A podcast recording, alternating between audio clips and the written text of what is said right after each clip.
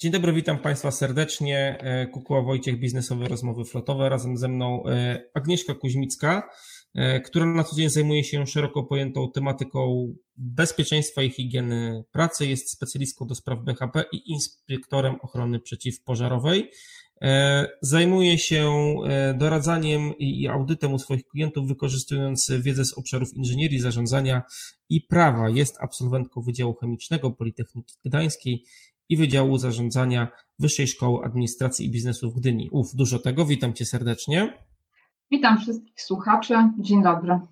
E, ja tylko dodam, że z uwagi na e, panującą sytuację epidemiczną łączymy się zdalnie. Mam nadzieję, że jakoś będzie ok. Mieliśmy kilka barier technologicznych. Mam nadzieję, że też je pokonamy. E, natomiast będziemy dzisiaj rozmawiali o tematach związanych e, z BHP w odniesieniu do firm, które mają floty pojazdów, bo jest to temat, który jest nie zawsze na pierwszym miejscu, natomiast jest on niezwykle ważny, o czym będzie mówiła Agnieszka, ale tak jak rozmawialiśmy wcześniej, trzeba wyjść od ogółu, żeby przejść do szczegółu, czyli tak naprawdę po co jest to BHP w przedsiębiorstwie? E, no dobre pytanie, po co? E, bo zazwyczaj mówiąc o bezpieczeństwie pracy, myślimy jako o przeszkodzie, którą e, często trzeba pokonać i właśnie coś, co może przeszkadzać właśnie w planowaniu, organizowaniu różnych procesów w przedsiębiorstwie.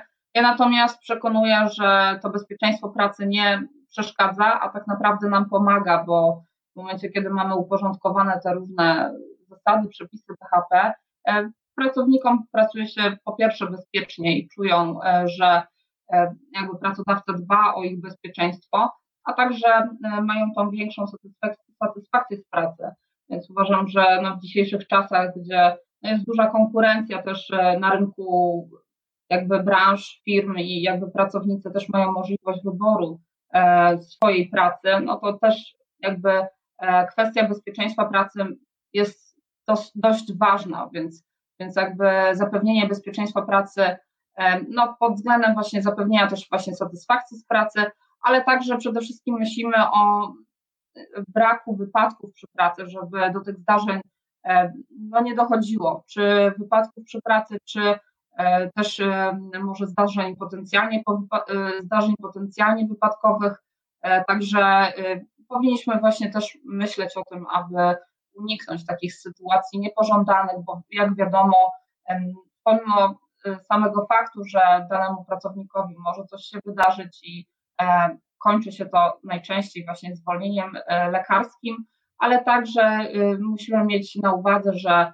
e, to też niesie ze sobą takie konsekwencje jak wstrzymanie na przykład jakiegoś procesu produkcyjnego, przeorganizowanie danych procesów w firmie, więc to też e, za sobą niesie różne konsekwencje, też e, dodatkowe koszty.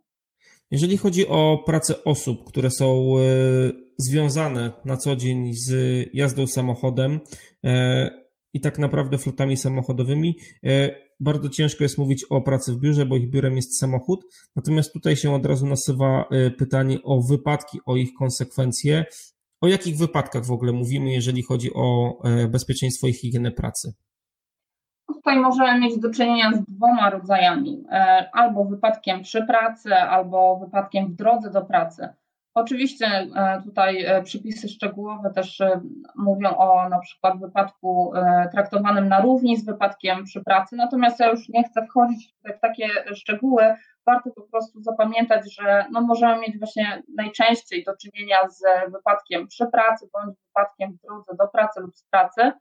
Jeżeli chodzi o definicję e, tutaj za wypadek w drodze do pracy lub z pracy, uważa się nagłe zdarzenie, które jest wywołane przyczyną zewnętrzną, nastąpiło w drodze lub z miejsca wykonywania zatrudnienia lub e, innej działalności stanowiącej tytuł ubezpieczenia rentowego. No i warto pamiętać, że ta droga e, powinna być najkrótsza i nie powinna zostać przerwana. Jednakże uważa się czasami, że wypadek nastąpił w drodze do pracy lub z pracy, nawet jeżeli ta droga została przerwana. No, w takich sytuacjach, kiedy te, ta przerwa właśnie była życiowo uzasadniona e, i czas nie przekraczał granic potrzeby, e, a także wtedy, kiedy droga nie była e, tą drogą najkrótszą, ale była właśnie dla ubezpieczonego, czyli tego naszego poszkodowanego ze względów komunikacyjnych najdogodniejsza.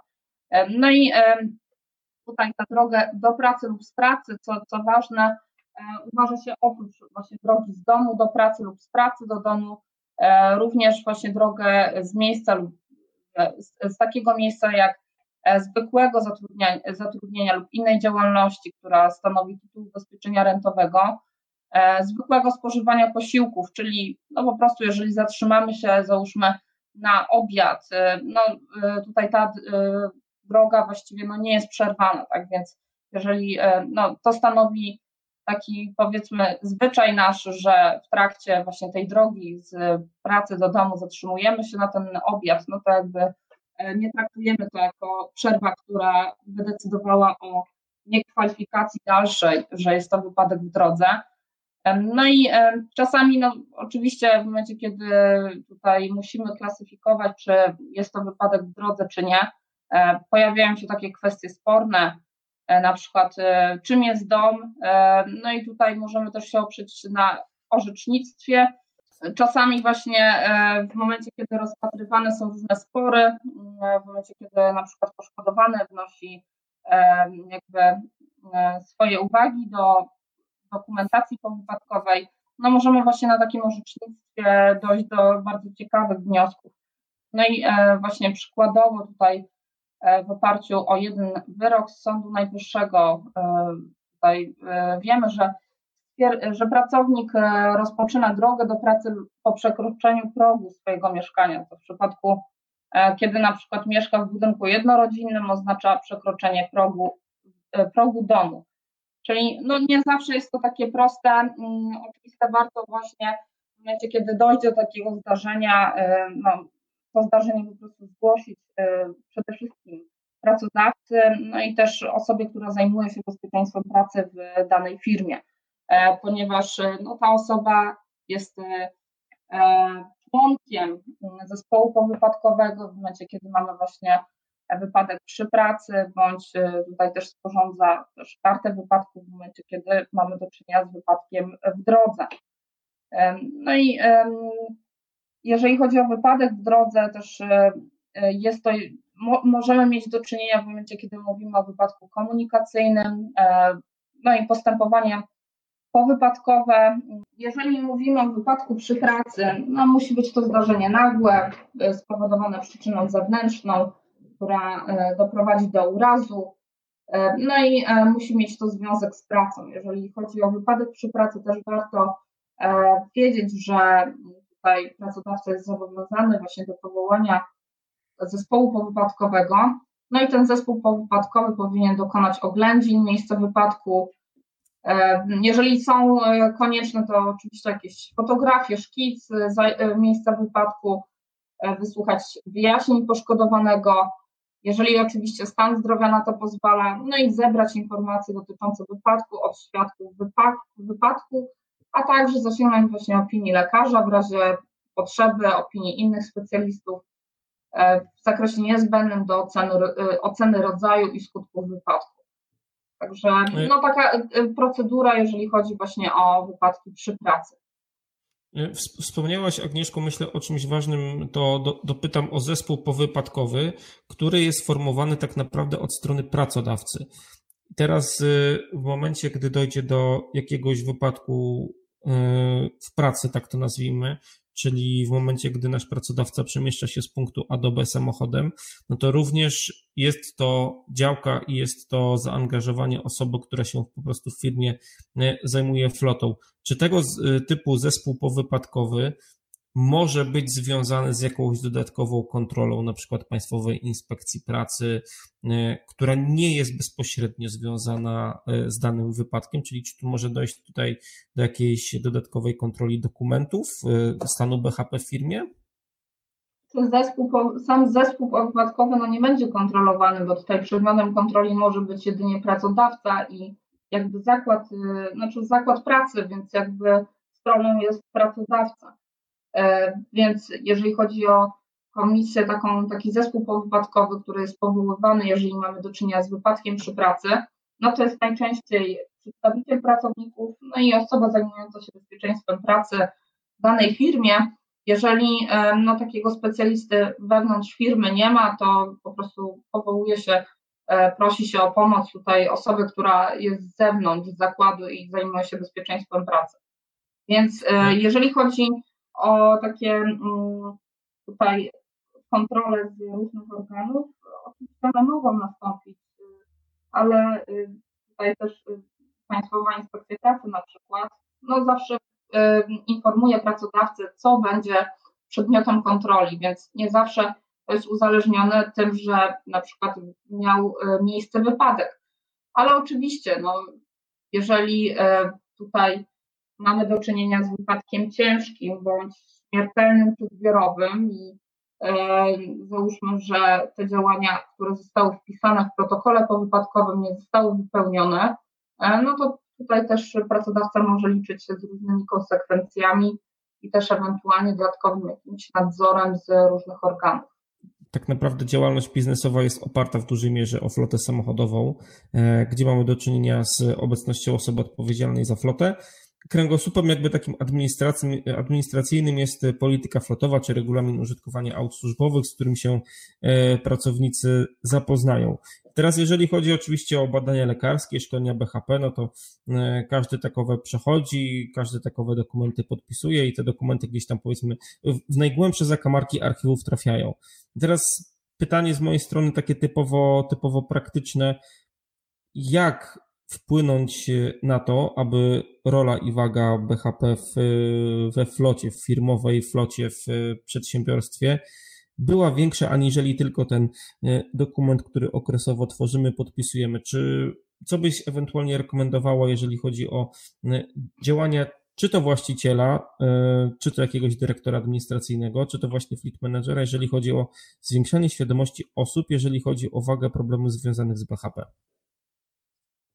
No to też nie jest takie jednoznaczne pytanie, ponieważ wszystko zależy od organizacji, od kultury też bezpieczeństwa, która jest y, w firmie, czy y, na jakim poziomie dotychczasowe y, dbanie o bezpieczeństwo pracy się przejawiało, więc na pewno tutaj musimy zadbać o współpracę różnych osób, zarówno i pracowników, i osób kierujących. No i właśnie tak jak na samym początku wspomniałam, że tutaj no, myślenie o bezpieczeństwie pracy nie powinno być takim e, dodatkowym obciążeniem, czyli rozumiane jako właśnie przeszkoda. Raczej tutaj e, myślimy e, w taki sposób, że po prostu to jest taki element, który powinniśmy wplatać w różne obszary działalności firmy. No i też może uatrakcyjnić właśnie to, to podejście do bezpieczeństwa pracy, wykorzystując różne narzędzia, niekoniecznie tutaj e, papierologia, bo teraz też większość pracowników wykonuje pracę zdalną, oczywiście ci, co mają taką możliwość, więc e, też stosując różne narzędzia, na przykład do zgłaszania niezgodności, e, też właśnie zadań takiej, w taki sposób proaktywny, czyli włączenie tych procesów bezpieczeństwa pracy. No i więc szkolenia też, e, które będą wykonywane e, bardziej e, w taki praktyczny sposób, czyli z wykorzystaniem różnych narzędzi, nie tylko jakby przedstawienie teorii podstaw prawnych, ale także wykorzystując różne takie narzędzia. Także myślę, że tutaj wszystko zależy od zaangażowania, ale nie tylko jakby kierownictwa czy pracodawcy, ale też właśnie innych osób, no więc tutaj e, myślenie takie wspólne o bezpieczeństwie pracy na pewno przynosi większy efekt niż e, w momencie, kiedy tego same, samotnego rycerza wystawimy, e, który jest na przykład specjalistą BHP i który będzie chciał wdrożyć, no pomimo dobrych chęci tej jednej osoby, no nie uda się osiągnąć zamierzonych rezultatów w momencie, kiedy nie będzie tego zaangażowania po drugiej stronie. Tak naprawdę tematy BHP możemy też użyć bardzo fajnie jako tematy typowo CSR-owe związane z biznesową odpowiedzialnością biznesu w związku z tym, czyli pokazanie troski o bezpieczeństwo pracowników, o dobre samopoczucie, o, o higienę miejsca, e, miejsca pracy, co biorąc pod uwagę erę epidemii, powinno być dużo bardziej atrakcyjne e, niż dotychczas. Zgadzam się. No, e, tutaj okres epidemii też duże wyzwanie nam postawił, ponieważ też kodeks pracy, mogę tutaj śmiało powiedzieć, nie, nie był przygotowany na takim stopniu tutaj oddelegowanie pracowników na pracę zdalną, ponieważ nawet definicja pracy zdalnej nie jest uregulowana w kodeksie pracy, tylko teraz w tych rozporządzeniach, które zostały wydane e, w okresie epidemii. Także no, oczywiście pracodawca wcześniej mógł e, tutaj przekazać e, obowiązki pracownika, żeby wykonywał w formie telepracy, ale pracy zdalnej no, wcześniej nie było, właśnie nie było takiego pojęcia w kodeksie pracy.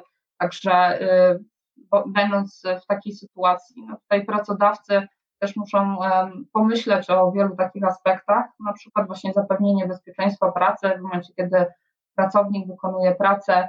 Nie w siedzibie pracodawcy, ale na przykład w domu, bo tutaj też nawet myśląc o telepracy, tutaj kodeks pracy nam wskazuje, że w momencie, kiedy pracownik właśnie wykonuje na przykład w domu swoją pracę, no to pracodawca i tak zobowiązuje się do zapewnienia bezpiecznych warunków pracy. No, oczywiście z wyłączeniem na przykład zapewnienia pomieszczeń higieniczno-sanitarnych albo e, tutaj weryfikację stanu technicznego budynków, no bo oczywiście za stan budynku no, tego mieszkania, e, domu, w którym pracownik wykonuje pracę, no tutaj pracodawca nie, nie ma na to wpływu, więc jakby za to nie odpowiada, no ale oczywiście przed jakby udaniem się na tele, właśnie pracę zdalną bądź wykonywanie pracy w formie telepracy, e, pracodawca powinien mieć tą pewność, że pracownik będzie wykonywał tą pracę zgodnie z przepisami BHP i warunki e, pomieszczenia też umożliwiają po prostu wykonywanie tej pracy. Agnieszko, dziękuję Ci serdecznie i mam nadzieję do usłyszenia.